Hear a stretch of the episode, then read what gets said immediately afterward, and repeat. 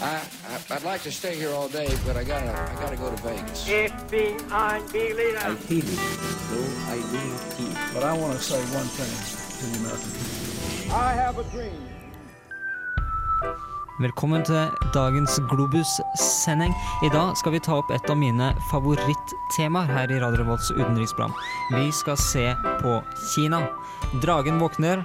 Kina har fått ny leder. Xi Jinping heter han. Det skal vi i Globus eh, ta for oss. Vi skal se på utfordringer den kinesiske staten kan ha, kan komme til å få, og hvordan eh, dette store landet kommer til å påvirke verden framover. Nå får du hvit pels, men livet er underbart her på Radio Revolt.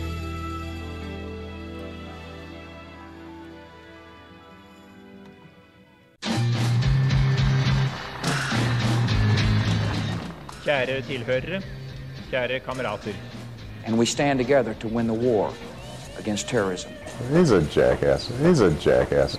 Now, I didn't know him. I didn't know anybody that had anything to do with that. Vi leker med de store gutta. Hør på Globus her på Radio Revolt. Globus. Globus. Globus. Globus. Globus. Det var hvit pels, det som du hørte her på Radio Revolt. Eh, vi skal snakke om eh, Kina da. Kina har fått ny ledelse. Vi skal også ta for oss eh, litt eh, andre ting. Vi skal ta for oss PKK. Knut har vært ute og sett på, sett på PKK igjen. Eh, I Tyrkia, altså kurdiske opprørsbevegelsen. Vi skal eh, høre litt hva en av professorene på Dragvoll har å si om uh, framtida til det republikanske partiet. Det er det Oskar som har ordna. Eh, I studio så har du som vanlig Sigmund Grønli Bolme. Knut Åshammer. Vanja Trondheis. Og Oskar Kjetland Rabben. Mm. Eh, og Oskar, du vi har jo snakka veldig mye om det republikanske partiet nå. Eh, og du, du snakka med, med en av de amerikanske altså amerika, amerikanske professorene oppe på eh, Dragvoll. Eh, hva hadde hun å si om det? Ja, vi, vi får jo høre det snart nå, men eh, som vi snakket om eh, i sist sending, så har jo republikanerne et stort problem. Det er at alle demografiske trender går i deres disfavør. Det vil si at deres velgergruppe enten dør ut fordi Mm. det består av gamle personer, eller eh, blir eh, en minoritet i samfunnet, i og med at hvite snart ikke lenger utgjør, den største, eller utgjør majoriteten av befolkninga. Og det er da problemet da som eh, Jennifer Bailey her eh, eh, forklarer hvordan republikanerne kan, eh, kan overkomme. Mm. Ja, fordi det er vel en sannhet at uh, forhandlinger mellom demokrater og republikanere er mer eller mindre svært vanskelige eller lite samarbeidsvillige. Ja.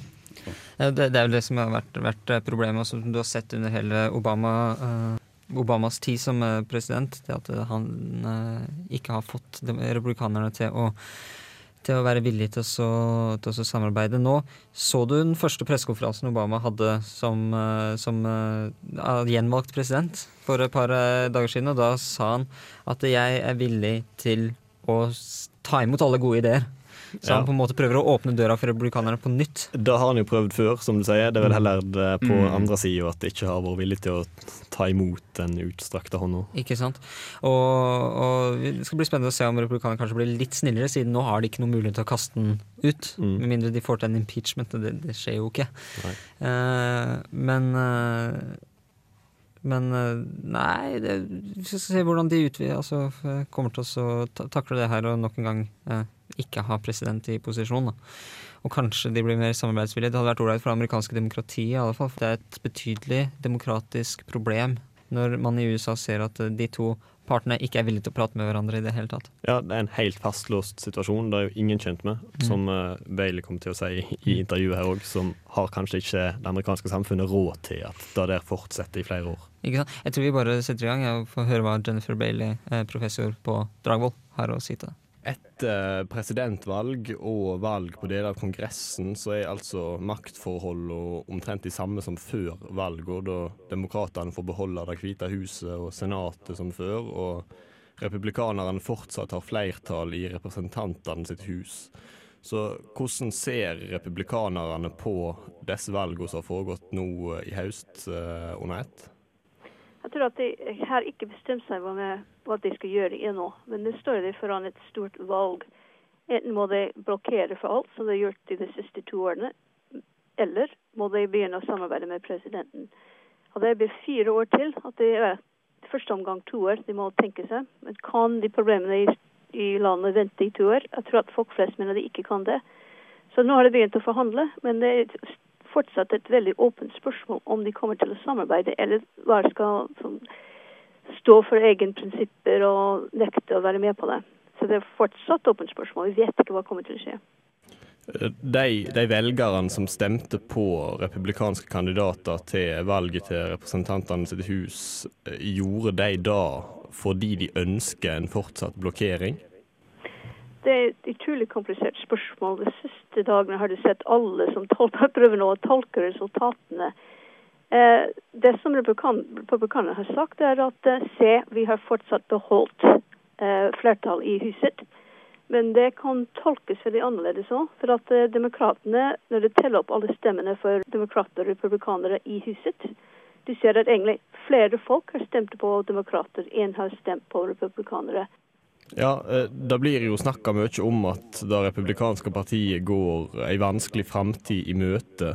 Og når en ser på statistikker over hva for noen befolkningsgrupper som stemte på republikanerne under, i alle fall under presidentvalget, så ser en jo òg at partiet har de fleste demogra demografiske trender mot seg, i og med at kjernevelgerne er hvite og gamle i, eh, i, et land der eh, enkelte etniske minoritetsgrupper vokser med stor fart, sånn at hvite snart ikke lenger vil utgjøre flertallet av mm. befolkninga.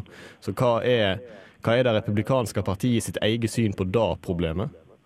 Jeg tror at eh, noen folk har egentlig oppfattet problemet, andre prøver bare å nekte at de har et problem. Men jeg tror at det er noen folk som Bobby Jindal, som er de nye stjernene i partiet, har sett. Jeg tror at de setter søkelyset på latinamerikanerne nå det kan være mye der å hente for eh, republikanere. For at eh, noe latinamerikanere er meget mer eh, konservative når det gjelder verdier. Så det er mm, som sagt en vei fremover for dem, men da må de løse et stort problem i USA. Det er deres ståsted når det gjelder innvandrere. Det er det som står i veien nå. Så for å kunne komme sterkere tilbake ved neste valg, så må det republikanske partiet enten bli mindre verdikonservative eller greie å kapre stemmer fra latinamerikanske velgere? Ja, nei, jeg synes at det, det, må kanskje bruke den verdikonservatismen. For at det egentlig tiltrekker latinamerikanere. Men det er jo det, det som problemet er i, for den velgergruppen, så er det sånn forhold mellom staten og økonomien. Sånn, de vil ha litt mer innblanding av staten i økonomien. Så kanskje må republikanerne sånn lighten up litt med den sånn eh, staten skal ikke gjøre noe side, og kanskje trekke frem verdiene. For at eh, som sagt, det er jo det største gruppe de kan fri til. Og det er det største, det, forteste voksende gruppe, de sa, latinamerikanerne. Sånn det ser ut nå, hvordan vil eh, det republikanske partiet framstå ved neste valg?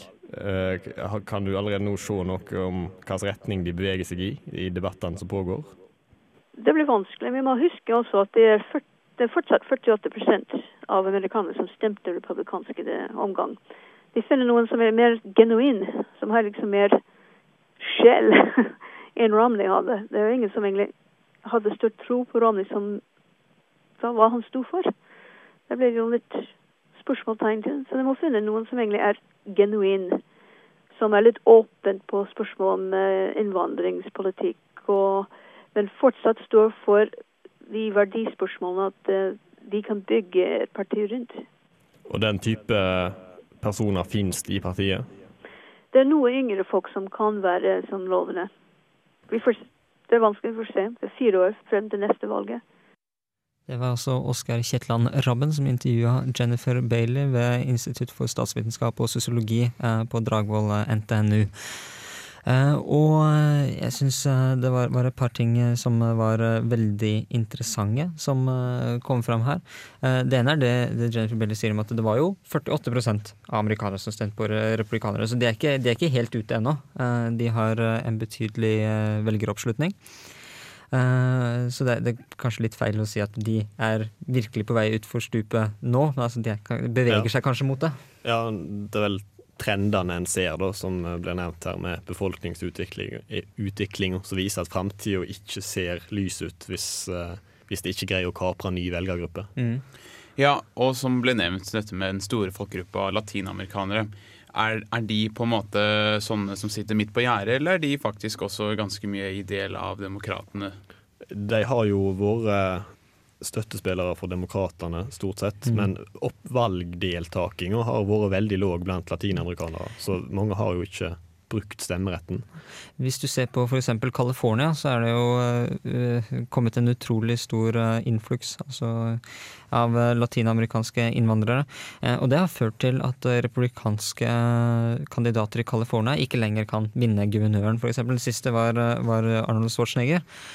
og han vant mer pga. at det var, det var, Arnold som stilte. Det var en sånn Mm. veldig, veldig sterk kandidat. Men det er vel en inter, et internt krav blant eh, republikanerne, for det er vel eh, Det ulmer under overflaten, som jeg har eh, skjønt i media, at det er et internt krav om forandring, eller om reevaluering. Ja, Som hun sier her i intervjuet, så er det ikke alle som har innsett at de har et problem, eller som ikke ønsker å forstå at de har et problem, fordi de vil beholde det de ser på som det originale Amerika. Mens som vi også kommer frem til, som du sier, så er det de, de yngre, iallfall i partiet, skjønner at uh, dette går ikke bra hvis vi fortsetter på denne linja. En, en tredje ting eh, som jeg syns er interessant, er at du trekker fram at uh, det republikanske partiet gjerne må fortsette med sin verdikonservative linje. Mm. Fordi det faktisk treffer, treffer latinamerikanere midt i hjertet. Mange av de er veldig kristne, veldig katolske. Mm, ja, nettopp. Det var da vi skulle til å si at De kommer jo fra land i Latin-Amerika som er, ja, er veldig konservative. Mm. Fra ja, stor, både til dels rurale land og land der der den katolske kirka er veldig sterk. Så det republikanske partiet sine verdier vil appellere til dem. Så det er da den innvandringsfiendtlige holdninga til partiet, i tillegg til den voldsomme økonomiske liberalismen som gjør at de republikanerne ikke tiltrekker seg latinamerikanere. Mm. Jeg kan nevne en liten sånn fun fact på sida fra i går, torsdag. Eh, John McCain fra Republikanerne gikk ut og forlangte eh, ekstra informasjon om angrepet på, i Benghazi. Eh, og akkurat det tidsrommet han gikk ut i media og ba om den informasjonen, så var det en brifing, et sikkerhetsmøte, om det som skjedde i Benghazi, Ja. som han egentlig skulle vært på. Hvor det var da mulig for å få eh, ekstra informasjon. Bare litt sånn fun fact eh, som viser Jeg at syns nesten synd på McCain, for da har han bomma fryktelig. Begynner man å bli senil? Kanskje, kanskje han begynner å bli gammel. Det var noe man snakka om. Sikkert eh, litt døv. Ja, det er noe man snakka om i valgkampen 2008, hvis dere husker det. Man var redd for at John Ja. McCain begynte å bli så gammel at han kunne få et hjerteinfarkt. eh, Eller bli litt senil, eller bli litt surrete. Da ville det være ekstra skummelt på den visepresidentkandidaten. Det, det var jo sånn at Han hadde jo et eget med sånn ambulansepersonal i tilfelle han fikk slag liksom under talene sine. Så. Kanskje på tide å gi stafettpinnen videre. Jeg vet ikke. Det, det er i Det hvert fall kanskje han, han underholder i hvert fall fortsatt. Men eh, han er jo faktisk relativt liberal. eh, men det var vel egentlig valget av, av visepresident som virkelig knakken, tror jeg nok. For folk ble fryktelig redde og, sier, altså, og tenkte på det at han er en gammel mann. Han kan plutselig få et slag. Han kan dø, eller bli senil og ikke kunne styre lenger. Og hvem er det som sitter igjen, sånn som du sier, Oskar? Hvem er det som da sitter med makta? Det er Sarah Palin. Ja. Det, det, kan hvert, det kan vi i hvert fall ikke ha. Eh, men, men det er interessant det vi snakker om, altså den, den forskjellen det er mellom verdikonservatismen i eh, det republikanske partiet og den liberale politikken. Altså liberale økonomiske politikken de fører. da. Eh, For det latinamerikanske velgere vi vil gjerne ha den, altså, som vi har sagt, den verdikonservative politikken, men samtidig så vil de ha, kunne beskytte oss av staten. For det er jo folk som er helt på bunnen av rangstigen. Men er det en viktig, uh, viktig sak, da? Eller er det noe, noe som er høyt oppe på prioriteringslista hos republikanerne i framtiden? Latinamerikanerne, er de så Kan de virkelig vippe over? Eh, Kanskje, men, men eh, da, vil jo, da vil jo republikanerne nødvendigvis legge seg i en konfliktlinje med de kjernevelgerne de har som er rike. Rike og hvite, ikke sant? Mm. Eh, og det vil kunne være problematisk for dem. Men som det blir sagt her, så må de forandre seg. Hvis ikke så taper de uansett eh, i framtida. Ja, de vil tape rett og slett pga. den demografiske ja. situasjonen som utvikler seg. Og bare en liten kommentar til det som ble sagt nå nettopp når det gjelder hva latinamerikanerne helst ønsker. De hadde nok kjent seg mest igjen i et parti, eh, et kristen konservativt parti av europeisk modell. Som, Ja. eh, KrF. Ja, KrF, eller i CS, CDU, CDS i Tyskland. Ikke sant. Uh, vi skal gå litt videre i sendinga. Vi går fra USA til, til Midtøsten. Uh, vi skal høre Knuts eh, andre, tredje sak blir episode tre om eh, PKK. Men først eh, så får du eh, Lindstrøm med låta 'Fårikål'.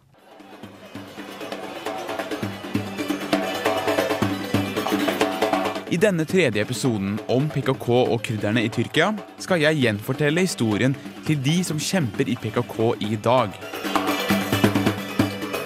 Karsan Sherabayani er en journalist som takket være sine kontakter med kurderne fikk tilgang til en gruppe PKK-medlemmer dypt inne i fjellene mellom Tyrkia, Irak og Syria.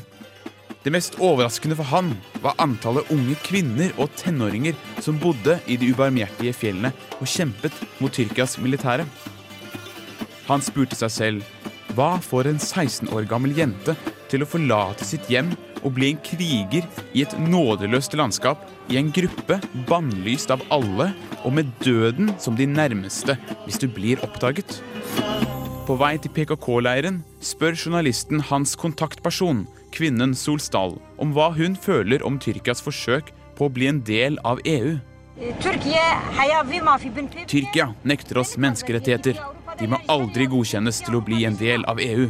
Deres undertrykkende politikk må slutte å være akseptert av resten av verden.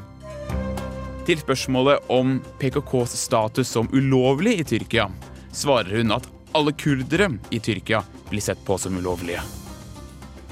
Etter timer med reise gjennom ulendt terreng, uten noen anelse hvilket land man egentlig er i, ankommer Karsan en PKK-leir med over 100 krigere. Sarin er en 22 år gammel kvinne som har kjempet med PKK i seks år, helt siden hun var 16. Hun ble spurt om hva hun egentlig ville med livet før hun ble en del av PKK. Jeg ville bli en forfatter. Jeg er spesielt interessert i folks liv, og hvordan vårt folks syn, interesser og ambisjoner er annerledes. Hun fortsatte å snakke om hvordan hun ønsker i framtida å skrive om kurderne og PKKs sak, hvordan det virkelig er. Mange av PKK-kjemperne bodde tidligere i Europa og andre steder i verden som flyktninger, men de har kommet tilbake fordi de ønsker ikke lenger å stå hjelpeløst til side mens folket deres blir undertrykket. There is uh, injustices, there is oppression. You see those very clearly, and which uh, drives you to Kurdistan. Ros, en kurder som flyttet til Australia, men som returnerte og ble en del av PKK, snakker videre om hvordan PKK ønsker en fredelig løsning og aksept fra de tyrkiske styresmaktene, men som aldri får sjansen til det. First of all, they do not understand and they do not want to understand the Kurdish question. For example, again, PKK wants to uh, a democratic and peaceful solution for the Kurdish question in Turkey, in, in whole of Kurdistan as well, uh, saying that Kurdish question can and can be able to solve through peaceful and political uh, means. Turkey doesn't let, and says you know PKK is a terrorist organization. Han fortsetter å nevne hvordan kurdernes meninger nektes plass, noe som tvinger PKK til å fortsette en blodig kamp når de demokratiske retningene er blokkert og folket stemplet som kriminelle. Men hvordan kan PKK be om demokratiske og fredelige ytringer når de samtidig kjemper med våpnene i hendene og dødelige angrep mot tyrkiske sivile og soldater? Solsdal forklarer. Jeg lever i fjellene fordi jeg ikke har noe politisk frihet i Tyrkia. Vi sliter med å skaffe oss denne friheten. Jeg forlot mitt våpen og dro til Europa. Der gjorde jeg politisk og demokratisk lobbyvirksomhet for å få fram en fredelig løsning. Men dessverre ble alle våre stemmer alltid ignorert. Det er derfor vi kjemper med våpen. For å forsvare oss. Zilan er en 17 år gammel kvinne. Hun kjemper ikke bare for sine rettigheter som kurder, men også som kvinne. Hvis jeg ble fanget av den tyrkiske hæren, ville de torturere og drepe meg. Jeg har alltid den siste kulen med meg for å drepe meg selv, istedenfor å falle i hendene til fienden. En annen kvinne kom bort til Karzar. Hvis vi ikke trodde på den endelige seier, så ville ingen av oss vært her. Det viktigste er å ha håp. Uten håp kan du ikke leve. Hvorfor Tyrkia, EU og USA ikke aksepterer PKK, og dermed også kurderne, en befolkning på 20 millioner, er veldig merkelig. Kanskje et gammelt kurdisk ordtak summerer opp situasjonen bedre enn noe annet. Kurderne har ingen venner, annet enn fjellene.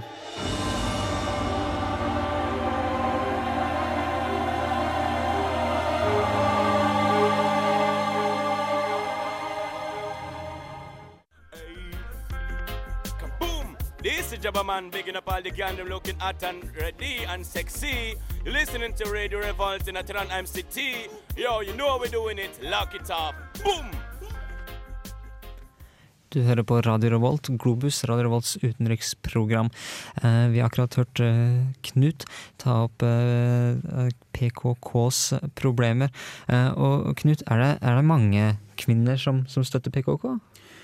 Det som er interessant, i alle fall, er at uh, veldig mange leirer altså Det er som en typisk gerilja her, så er det mange bitte små deler og avdelinger overalt i, som er spredt overalt i hele fjellkjeden.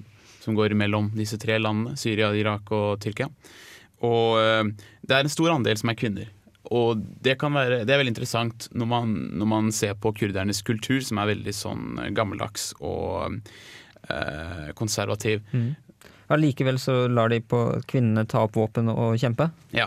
Og eh, de, de, de, ser, de forklarer i hvert fall selv at dette er pga. den ekstraordinære situasjonen. Mm. At alle sammen må ta våpen i hendene og kjempe for frihet. Og PKK er jo det kurdiske arbeiderpartiet. Eh, Tilknyttet sosialistisk ideologi, Mm. og da eh, er jo kvinnerettigheter sentralt. Eh, Du sier at de er veldig geografisk spredt. Forstår jeg det riktig da? Er de veldig eh, Det at de er så spredt geografisk, gjør det dem til et svakt, eh, en svak gruppe med tanke på for å få gjennom sin sak? Det som Man kan se det på mange måter. Da. Eh, Det Problemet når de er så spredt, er at eh, eh, altså de, har, de har flyktet til fjellene utenfor Tyrkia, fordi der er de mer trygge enn inne i Tyrkia. Men de er også spredt i Tyrkia selv. I sørøstdelen av Tyrkia er de på en måte i et sånn veldig stort geografisk område. Har de på en måte sysselsatt seg. Og denne spredelsen, det negative er jo at det er vanskelig å ha en slags massiv konsentrasjon av meninger og, og prøve å få fram noe politisk. Men fra den voldmilitære siden så gjør det at det er veldig vanskelig å eliminere dem.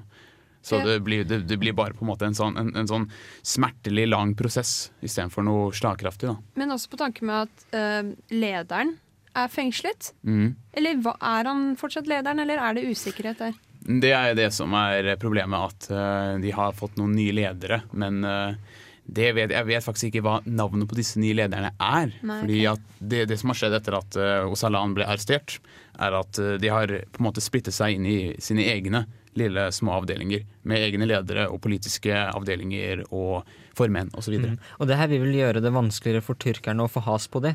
Når det er vanskelig å vite hvem som er ledere, og det er mer spredt lederskap. Det er jo en klassisk måte for geriljaorganisasjoner å, å overleve på.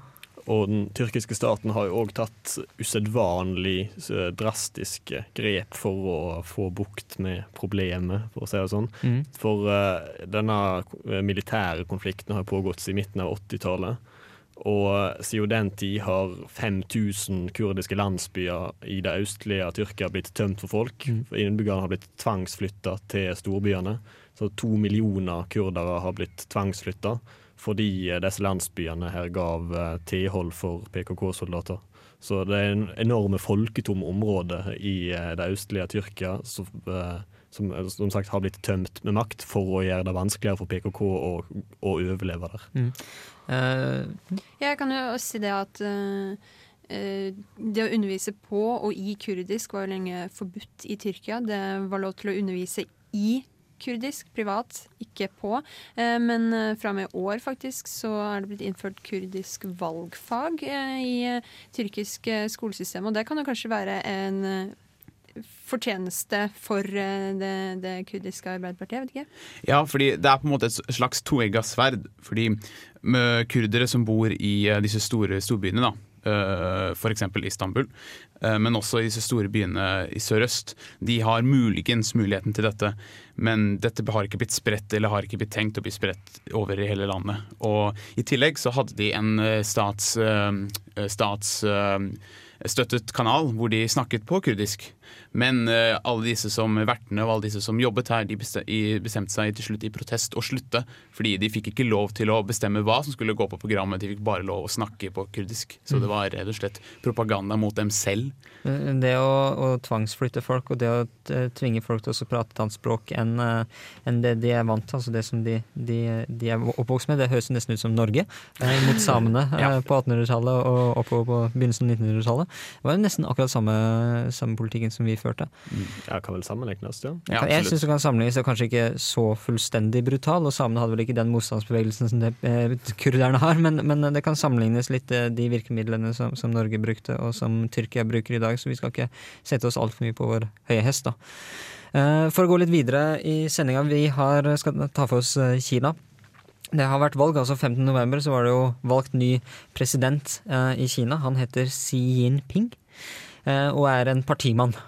Faren. Var en partimann. Eh, og han, faren igjen var partimann, og faren var partimann? Xi Sung-sun het faren til, til Jinping. Eh, og var en partiveteran som da har eh, arbeida sammen med altså Iallfall opplevd Mao ikke sant? Som, som, eh, som, ung, og som har uh, vært fryktelig lojal til partiet. Og det, eh, En ting som er interessant med, med Xi Jinping, det er at uh, han er også som faren fryktelig lojal til partiet, og, og blitt, vært kjent for å være en korrupsjonsjeger. Ja. Korrupsjon har blitt et av de største problemene til både Kina og kommunistpartiet. Ikke sant? Uh, ja. ja, men Det sies også at um, det er litt vanskelig for folk å å sette han i noen politisk bås. Han er ikke så veldig tydelig på hvor han ligger i det politiske landskapet. Og de, han blir ikke sett på som en reformleder, da. Nei, eh, men allikevel så har han, han, kommet med en del økonomisk liberale uttalelser. Så han kommer, du kommer nok til å se at uh, han kommer til å fortsette, uh, fortsette den økonomisk liberale linja som Kina har lagt seg på siden 90-tallet. Uh, vi skal prate litt om han og hva som, hva som skjer valget. Det er jo andre folk som blir, blir valgt også, inn i politibyrået og, og sånn. Eh, men først så har Vanja Vanya eh, tatt for seg den kinesiske historien, altså moderne kinesisk historie fra 1949 til 2012. Det skal vi høre på etter at vi har hørt Hålogalandslaget med Alt hun vil ha. Radio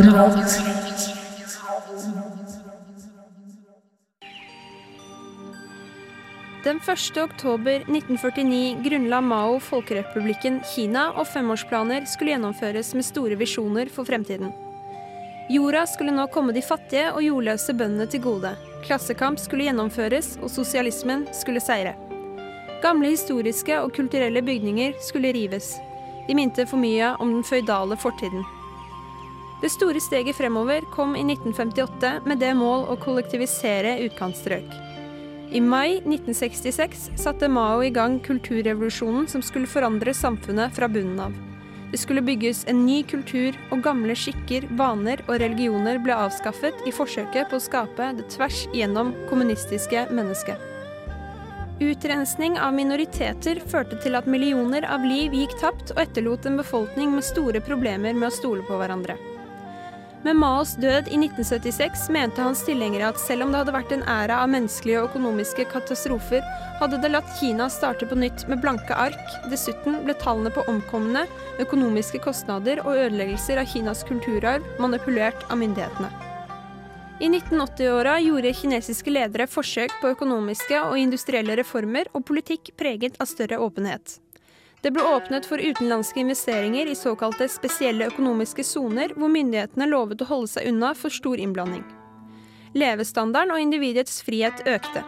Kinas nye ledere kalte kulturrevolusjonen for en forferdelig katastrofe og et stort tilbakeslag for sosialismen, men hyllet allikevel Mao som en stor marxist, strategist og teoretiker. Hans feil var sekundære.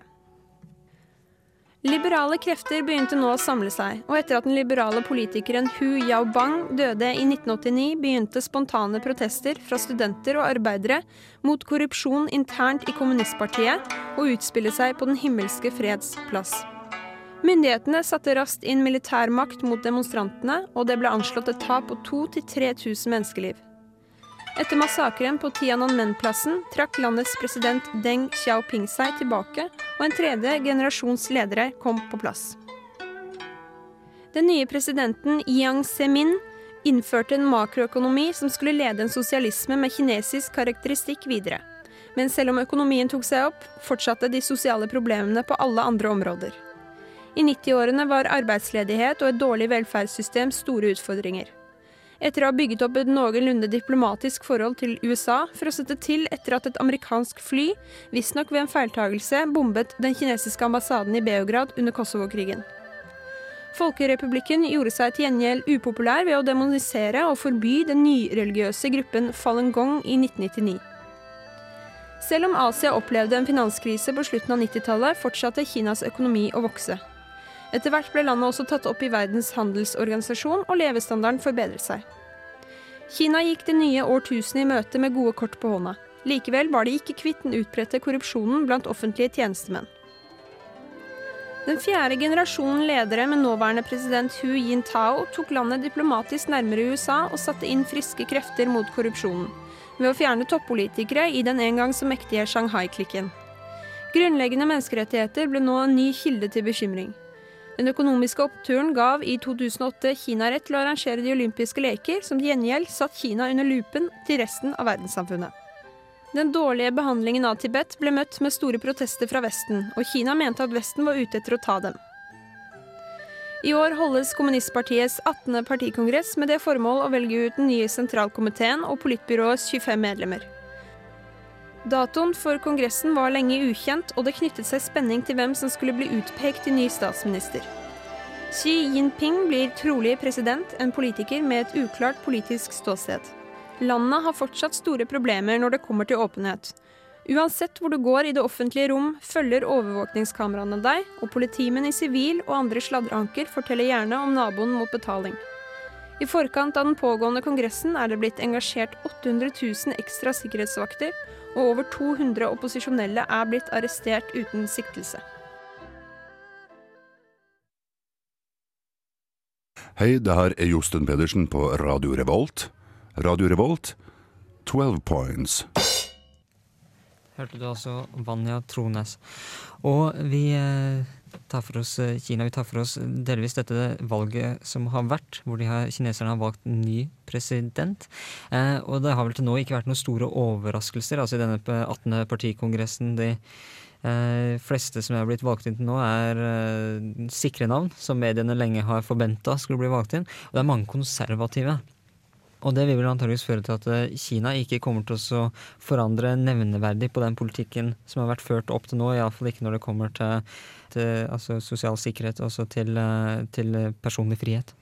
Men eh, hvor lenge er den politikken holdbar? Jeg hørte det ble spekulert der i det var vel, Verden på lørdag på NRK, der det var en gjest som snakket om at da enorme sikkerhetsoppbudet i Beijing nå, det er vel ja, Hva var det de sa?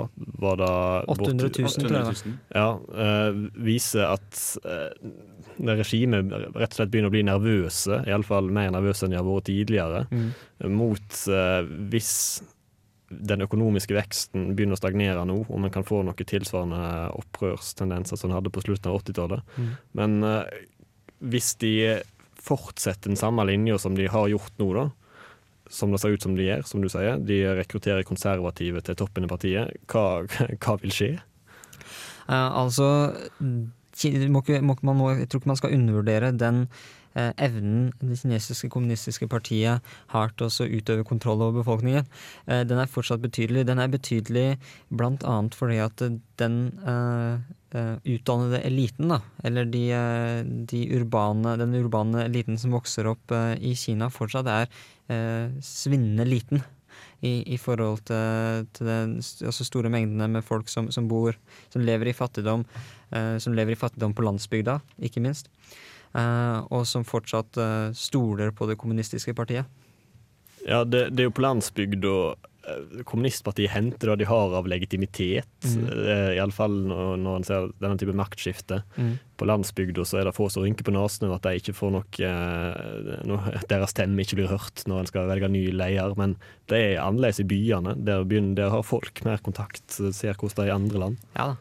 Ja, det er jo, eh, som jeg sa i innslaget mitt, fjerde generasjonen med ledere. Og vi ser jo det at eh, lederne på alle nivåer i Kina de blir yngre og yngre, og de blir bedre og bedre utdanna. Men systemet hindrer jo fortsatt eh, de dyktige, uavhengige eh, tenkerne eller handlerne av eh, det, det systemet som ligger at hvis du skal gjøre en karriere i Kina, så må du ha en fot innenfor kommunistpartiet.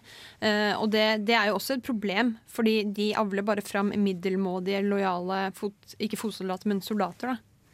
Ja, og da kan man jo tenke seg den problemstillingen at eh, sånn som på landsbygda, med, med mangel på utdanning og informasjon, så vil det på en måte være en slags sikring da, for kommunistpartiet og på en måte et totalitært styre hvis det skulle være som det mange spekulerer at det er.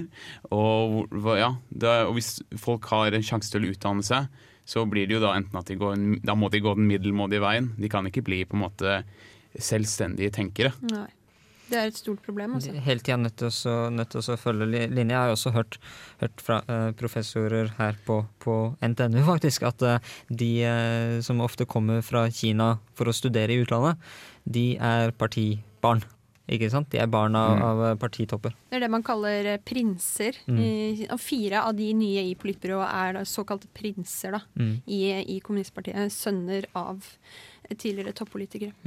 Ja, som du sier, er, er det andre enn partilojale som får lov til å forlate Kina for å studere i andre land? Altså, eh, det, det er vel det man vil, vil hevde at det ikke er. da. At Mm. det kun er barn fra familier som er partilojale. Da trenger de ikke å være kjempehøyt oppe i partiet, men så lenge de har en tradisjon for å være veldig lojale til partiet, kanskje jobbe eh, lavere i administrasjonen, så vil ungene deres ha muligheten ofte til å kunne gjøre dette. Ja, Xi Jinping han har vel studert på Harvard, så vidt jeg har forstått. Og eh, har også en interesse for eh, basketball. Så han har vel noe å prate med Obama om, eventuelt. da. Liten eh, battle der. Det Ja, var gøy. Det hadde vært veldig morsomt Ja. å se Obama spille basket med, med Xi Jinping. Jeg tror kanskje Obama hadde vært fordelen. Han er jo litt høyere. Ja, er er det? høyere. Ja, han er det. Dobbelt. Men det, det hadde iallfall blitt uh, århundres eh, basket oppi Ja, eh, vi husker vel, eller vi husker ikke, vi kjenner jo til bordtennisdiplomatiet på på uh, under den kalde krigen, Mm. når uh, amerikanske bordtennisspillere reiste til Kina for å spille kamp. Mm. Uh, fikk en i gang en dialog i et forhold som var helt fast frossent. Så Ja. kanskje vi kan ha en basketdiplomati her nå. diplomati. Hvis ikke så kan det fort, eh, fort eh, låse seg fast, og det er jo folk som eh, mener det òg. vi kan kanskje prate litt grann om USA-Kina-forhold etterpå, men først så får du 7-7. Det skrives CU-CU, men uttales 7-7. Hello from Eau Claire. This is FM 100, fighting the evil, music for the people. Keep it locked, lock it off. One more time. Det var 7-7 som du hørte der. Eh, vi prater om Kina, vi, og vi prater om, eh, vi prater om basketdiplomati faktisk rett før her. Men, men det er jo en kjensgjerning at det er, kineserne har eh, absolutt bruk for et meget godt diplomati. De er jo i konflikt med nesten alle nabolandene sine. Det er knapt et eh, Tenk på at de har konflikter om Kashmir med India, de har konflikter om, om disse øyene eh, med Japan. Eh, de har vært i konflikter tidligere med Russland om Manchuria og områder i Sibir. Eh, og de har konflikter i Sør-Kina-havet, spesielt med Filippinene og Vietnam. Ja, Som igjen med Nord-Korea og Burma, da.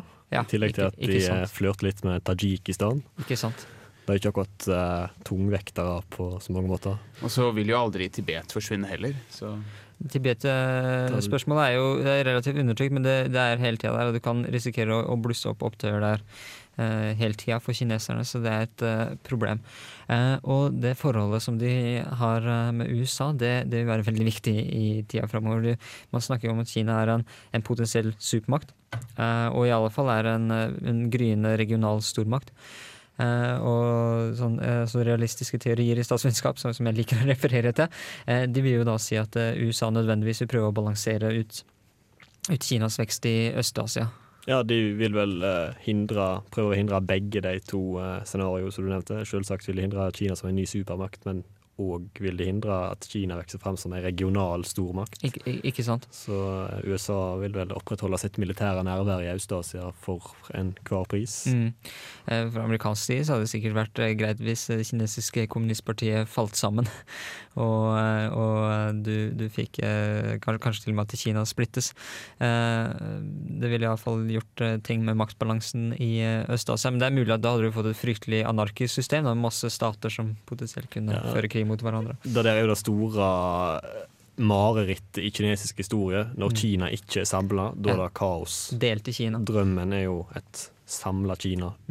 Ja, for dette, er jo, det, dette kan jo være det problemet som vil være i fremtida. Dette med misnøyen til mye, mange av det kinesiske folk Mm. uh, med regjeringen, og hvordan de vil takle denne eh, økonomiske presset som kommer til å bli, være i fremtida. Mm. Og det er jo litt interessant, som jeg så på en dokumentar for en uke siden, om da eh, hvis Kinas økonomi slutt, plutselig skulle stoppe opp og være voksne og faktisk eh, falle nedover igjen, det vil jo i så fall vekke mye mer eh, sterk misnøye og kanskje fremtvinge en eh, ja, eh, opprør eller enda flere interne problemer, som da kanskje gjør at, eh, at Kina blir mer aggressivt utenriks pga. sine interne problemer. Men det er jo litt av det, denne frykten for at kommunist, eh, kommunismen skal falle sammen, at kineserne etter hvert har begynt å rette seg mer mot konfusjonisme. Du snakka litt om det tidligere, Vanja. Ja, for eh, mens kommunismen har på en måte mistet sin glans eh, blant befolkningen, eh, så bruker myndighetene har sett seg sitt til å bruke konfusianismen som en slags moralsk eh, grunnpilar for befolkningen. Eh, en veldig hierarkisk religion, eh, ironisk med tanke på kommunismen anno 1950, kanskje. Mm. Eh, men eh, som en sånn eh, pekepinn for befolkningen å rette seg etter når det kommer til moral, da. Eh, så de er eh, Men det er jo slik at er du medlem i kommunistpartiet, så skal du ikke være aktivt troende. Så jeg er litt spent på hvordan de skal sette i stand det her. Mm. Eh, Kina kunne vi prata om eh, til, til fuglene begynte å kvitre og sola gikk opp i, i morgen, antageligvis. Eh, vi skal ikke prate mer om Kina seinere, men Globus i dag er i alle fall over. I studio så har du hørt Sigmund Grønli Bolme. Knut Åshammer. Vanja Trones. Og Oskar Kjetland Rabben. Eh, vi håper at du fortsetter å høre på Radio Revolt, og at du har en ypperlig helg. Eh, ha det bra fra alle oss i Globus.